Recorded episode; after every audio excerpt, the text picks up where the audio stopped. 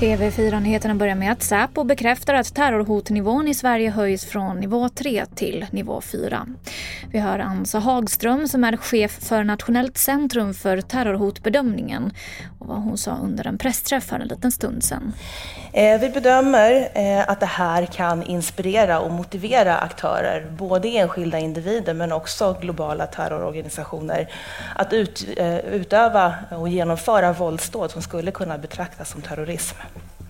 Och här förtjänar det att påminnas om att vi har under flera års tid haft ett förhöjt läge, en förhöjd nivå vad gäller terrorhotet.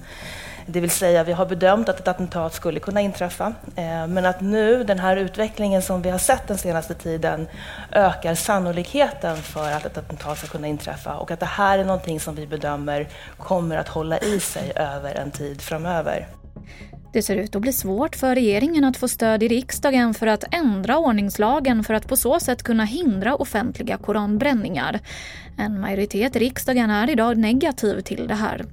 SD har ännu inte meddelat någon officiell ståndpunkt men många i partiet är mycket tveksamma till att ändra lagen.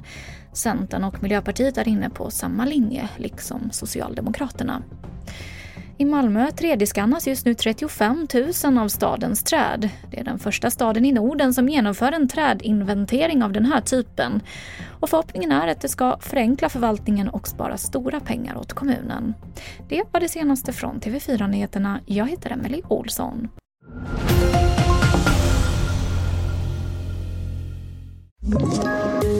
Poddtips från Podplay.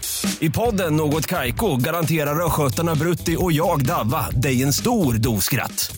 Där följer jag pladask för köttätandet igen. Man är lite som en jävla vampyr. Man har fått lite blodsmak och då måste man ha mer. Udda spaningar, fängslande anekdoter och en och annan arg rant. Jag måste ha mitt kaffe på morgonen för annars är jag ingen trevlig människa. Då är du ingen trevlig människa, punkt. Något Kaiko, hör du på Podplay. Därför arkadeinerna.